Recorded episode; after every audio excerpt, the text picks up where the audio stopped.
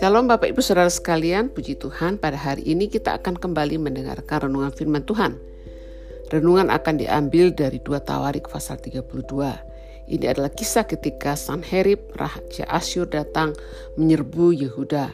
Dikatakan dia datang dengan pasukannya dalam jumlah yang banyak, menyerbu Yehuda dan dia mengepung kota-kota berkubu dan berdiat merebutnya. Kemudian Raja Hizkia, Raja Yehuda kemudian berunding dengan para panglima dan pahlawannya untuk untuk menutup segala mata air yang terdapat di luar kota supaya uh, Sanherib dan rajanya tidak ada air yang diminum selama masa untuk datang menyerang Yehuda. Jadi orang orang orang-orang Yehuda dalam jumlah yang banyak bersama dengan para panglima dan pahlawan itu mereka berkumpul bersama-sama dalam jumlah yang besar, kemudian mereka bekerja bersama-sama menutup semua mata air dan sungai yang mengalir dari tengah-tengah negeri itu. Kemudian dengan sekuat tenaga, Hiskia itu membangun kembali seluruh tembok yang telah terbongkar, mendirikan menara menara di atasnya dan tembok yang lain di luarnya. Kemudian Hiskia juga memperkuat Milo di kota Daud, kemudian membuat lembing perisai dalam jumlah yang besar. Jadi ketika Hizkia tahu bahwa Sanherib akan datang datang menyerbu dia kemudian melakukan beberapa langkah-langkah. Yang pertama menutup semua mata air dan sungai kemudian membangun kembali tembok-tembok dan menara-menara memperkuat kemudian membuat lembing dan perisai dalam jumlah yang besar. Jadi mempersiapkan diri untuk perang yang besar Kemudian yang dilakukan oleh Raja Hizkia juga ia mengangkat panglima-panglima perang yang mengepalai rakyat, menyuruh mereka berkumpul kepadanya di halaman pintu gerbang kota dan menenangkan mereka dengan berkata. Jadi setelah selesai menutup mata segala mata air, kemudian membangun tembok-tembok, memperkuat eh, eh, kota-kota dan menara-menara, membuat lembing dan perisai, dia kemudian mengangkat panglima-panglima perang, kemudian dia kumpulkan semua orang. Jadi setelah semua persiapan perang sudah siap, dia mengumpulkan rakyatnya dan panglima-panglimanya dan Hizkia mengatakan ini. Kuatkan dan teguhkanlah hatimu. Janganlah takut dan terkejut terhadap Raja Asyur serta seluruh laskar yang menyertainya. Karena yang menyertai kita lebih banyak daripada yang menyertai dia. Yang menyertai dia adalah tangan manusia, tetapi yang menyertai kita adalah Tuhan Allah kita yang membantu kita dan melakukan peperangan. Nah, kemudian oleh karena perkataan Hizkia ini, Raja Yehuda itu maka rakyat mendapat kepercayaannya kembali. Sesudah itu dikatakan bahwa Sanherib Raja Asyur yang sedang mengepung Lakis dengan seluruh kekuatan tentaranya mengutus beberapa pegawai ke Yerusalem kepada Hizkia Raja Yehuda dan kepada semua orang Yehuda yang ada di Yerusalem dengan pesan. Jadi pertama-tama Sanherib sudah datang menyerang, mengepung Lakis dengan seluruh kekuatannya dan dia mengutus seseorang untuk pergi ke Yerusalem ke Raja Hizkia dan menyatakan pernyataan ini. Jadi mari dengarkan kata-kata Sanherib yang menghina Raja Hizkia dan juga yang menghina Allah Israel. Ini perkataannya Sanherib. Beginilah tita Sanherib Raja Asyur, apakah yang kamu harapkan? Maka kamu tinggal saja di Yerusalem yang terkepung ini. Bukankah Hizkia memperdayakan kamu supaya kamu mati kelaparan dan kehausan dengan mengatakan, Tuhan Allah kita akan melepaskan kita dari tangan Raja Asyur. Bukankah Hizkia ini yang menjauhkan segala bukit pengorbanan dan mesbah Tuhan itu? Dan berkata kepada Yehuda dan Yerusalem, hanya di depan satu mesbah kamu harus sujud menyembah dan membakar korban di atasnya. Tidakkah kamu ketahui apa yang aku dan nenek moyangku lakukan terhadap semua bangsa negeri-negeri lain? Apakah Allah bangsa-bangsa segala negeri itu pernah berhasil melepaskan negeri mereka dari tanganku? Siapa daripada semua Allah-Allah bangsa-bangsa yang sudah ditumpas nenek moyangku itu dapat melepaskan bangsanya dari tanganku. Masakan Allahmu dapat melepaskan kamu dari tanganku? Sekarang, janganlah Hizkia memperdayakan dan membujuk kamu seperti ini.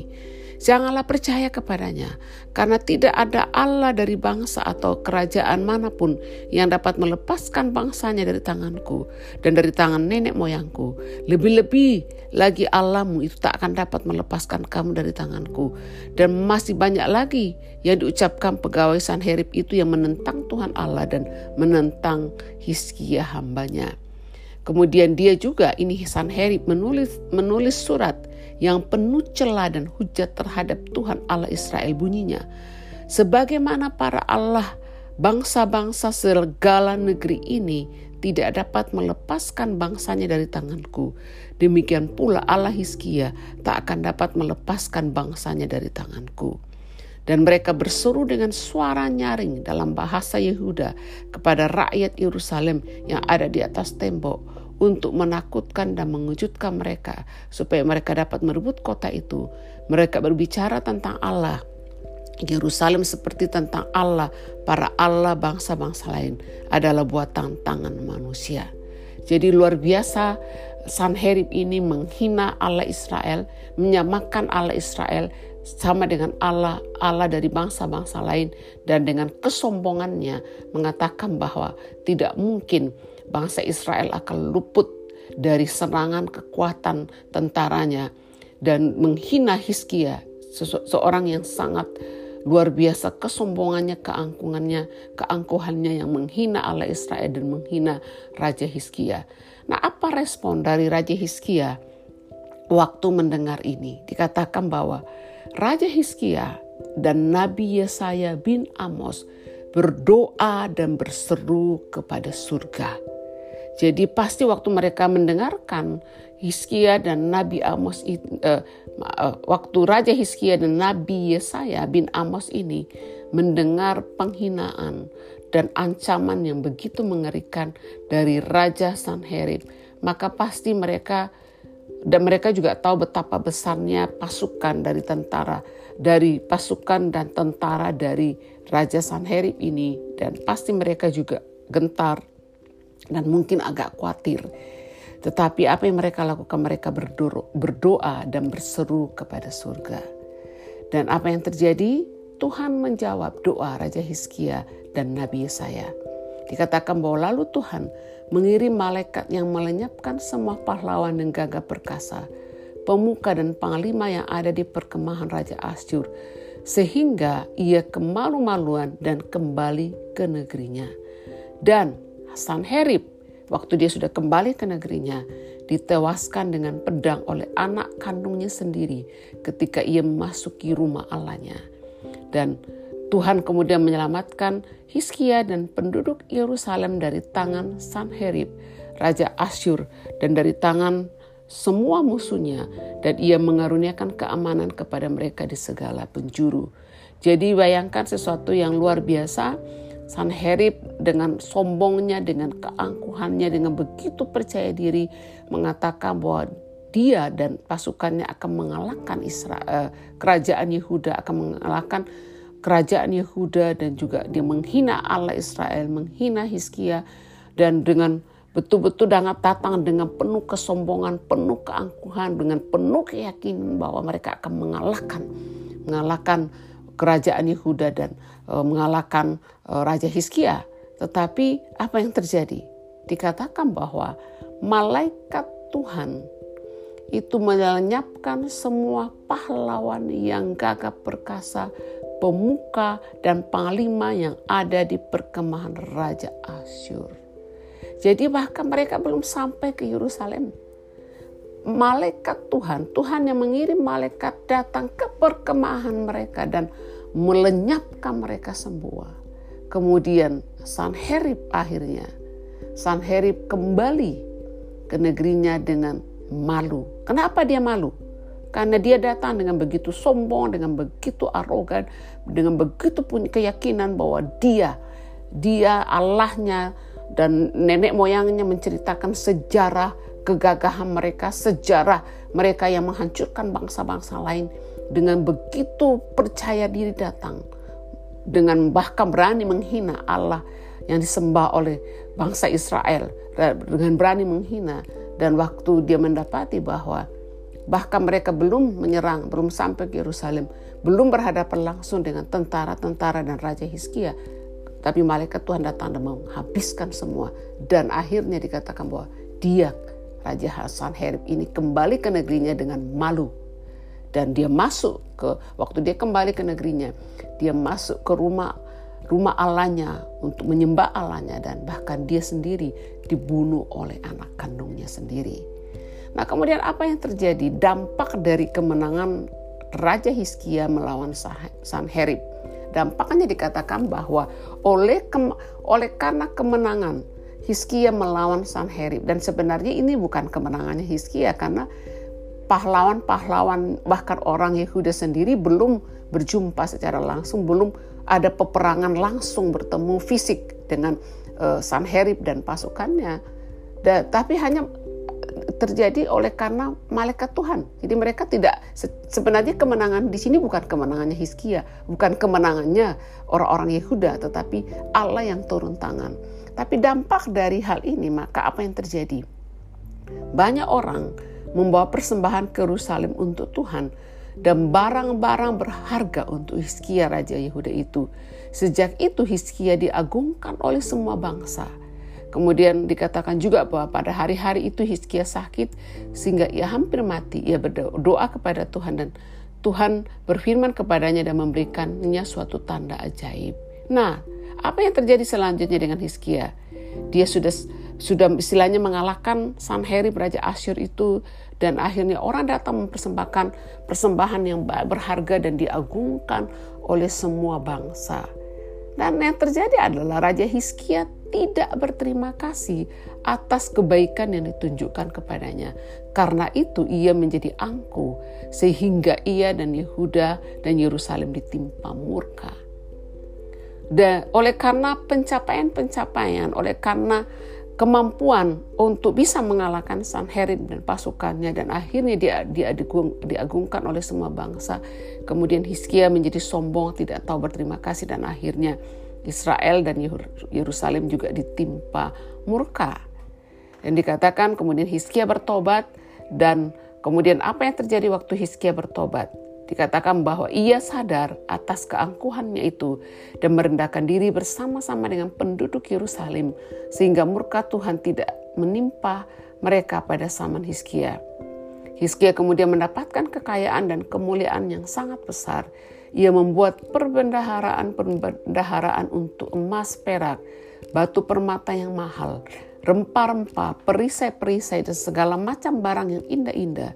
Juga tempat perbekalan untuk hasil gandum, untuk anggur minyak, dan kandang-kandang untuk berbagai jenis hewan besar dan kandang-kandang untuk kambing domba. Ia mendirikan kota-kota, memperoleh banyak kambing domba, lembu sapi karena Allah mengaruniakan dia harta yang amat besar. Hizkia juga telah membendung aliran Gihon ke sebelah hulu dan menyalurkannya ke hilir ke sebelah barat ke kota Daud. Hizkia dikatakan berhasil dalam segala usahanya. Dan kemudian setelah dia berhasil dalam segala usahanya, dikatakan bahwa terjadi lagi bahwa Tuhan menguji Hizkia. Dikatakan bahwa ada utusan-utusan Raja Babel datang kepadanya untuk menanyakan tentang tanda ajaib yang telah terjadi di negeri itu Ketika itu Allah meninggalkan dia untuk mencobainya supaya diketahui segala isi hati Hizkia. Dan yang luar biasa akhir dari kehidupan Hizkia dikatakan bahwa selebihnya dari riwayat Hizkia dan perbuatan-perbuatannya yang setia, sesungguhnya semuanya itu tertulis dalam penglihatan Nabi Yesaya bin Amos dalam kitab Raja-Raja Yehuda dan Israel dan Hizkia mendapat perhentian bersama-sama dengan nenek moyangnya dan dikuburkan di pendakian di pekuburan anak-anak Daud. Pada waktu kematiannya seluruh Yehuda dan penduduk Yerusalem memberikan penghormatan kepadanya, maka Manasya anaknya menjadi raja menggantikan dia. Ini adalah sesuatu yang luar biasa. Bagaimana saya bisa katakan bahwa di dalam dua Tawarik pasal 32, di sini adalah hal yang terjadi ketika orang meninggikan diri, ketika orang menyombongkan diri, dan hal yang terjadi ketika orang merendahkan diri dan menghormati Tuhan. Dan ini terjadi Ini terjadi baik kepada Sanherib Raja Asyur.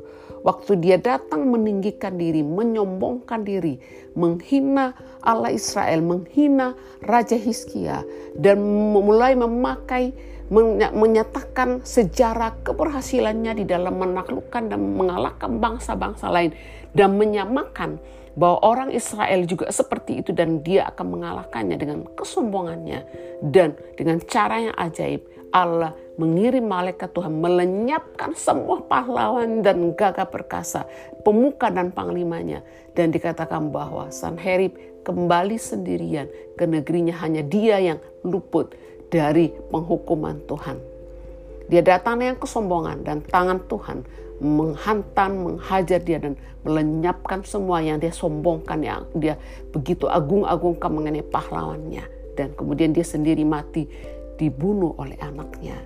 Dan Hiskia waktu dia merendahkan diri, Hiskia dan Nabi Amos, eh, Nabi maaf, waktu Hiskia dan Nabi Yesaya bin Amos, waktu dia merendahkan diri, merendahkan diri dan berseru ke surga, malaikat Tuhan yang datang turun tangan untuk menolong.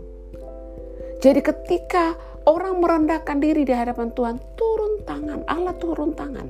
Allah turun tangan menolong. Tapi ketika dikatakan bahwa Hiskia mulai tidak tahu berterima kasih.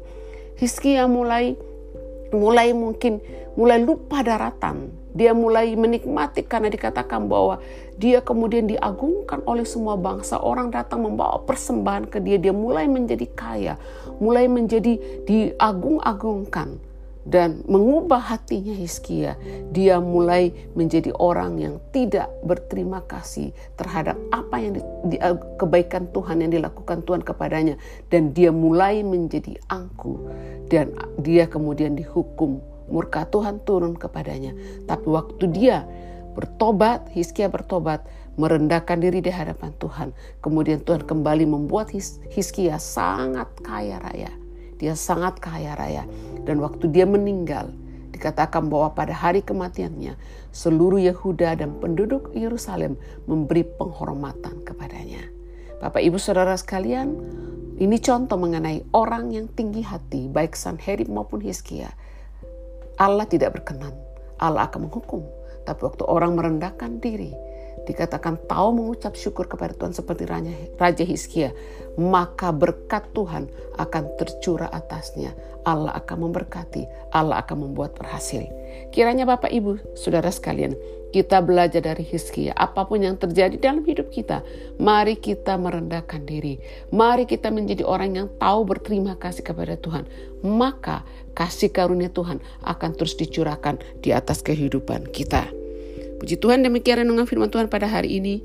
Tuhan memberkati kita sekalian. Selamat beraktivitas. Shalom.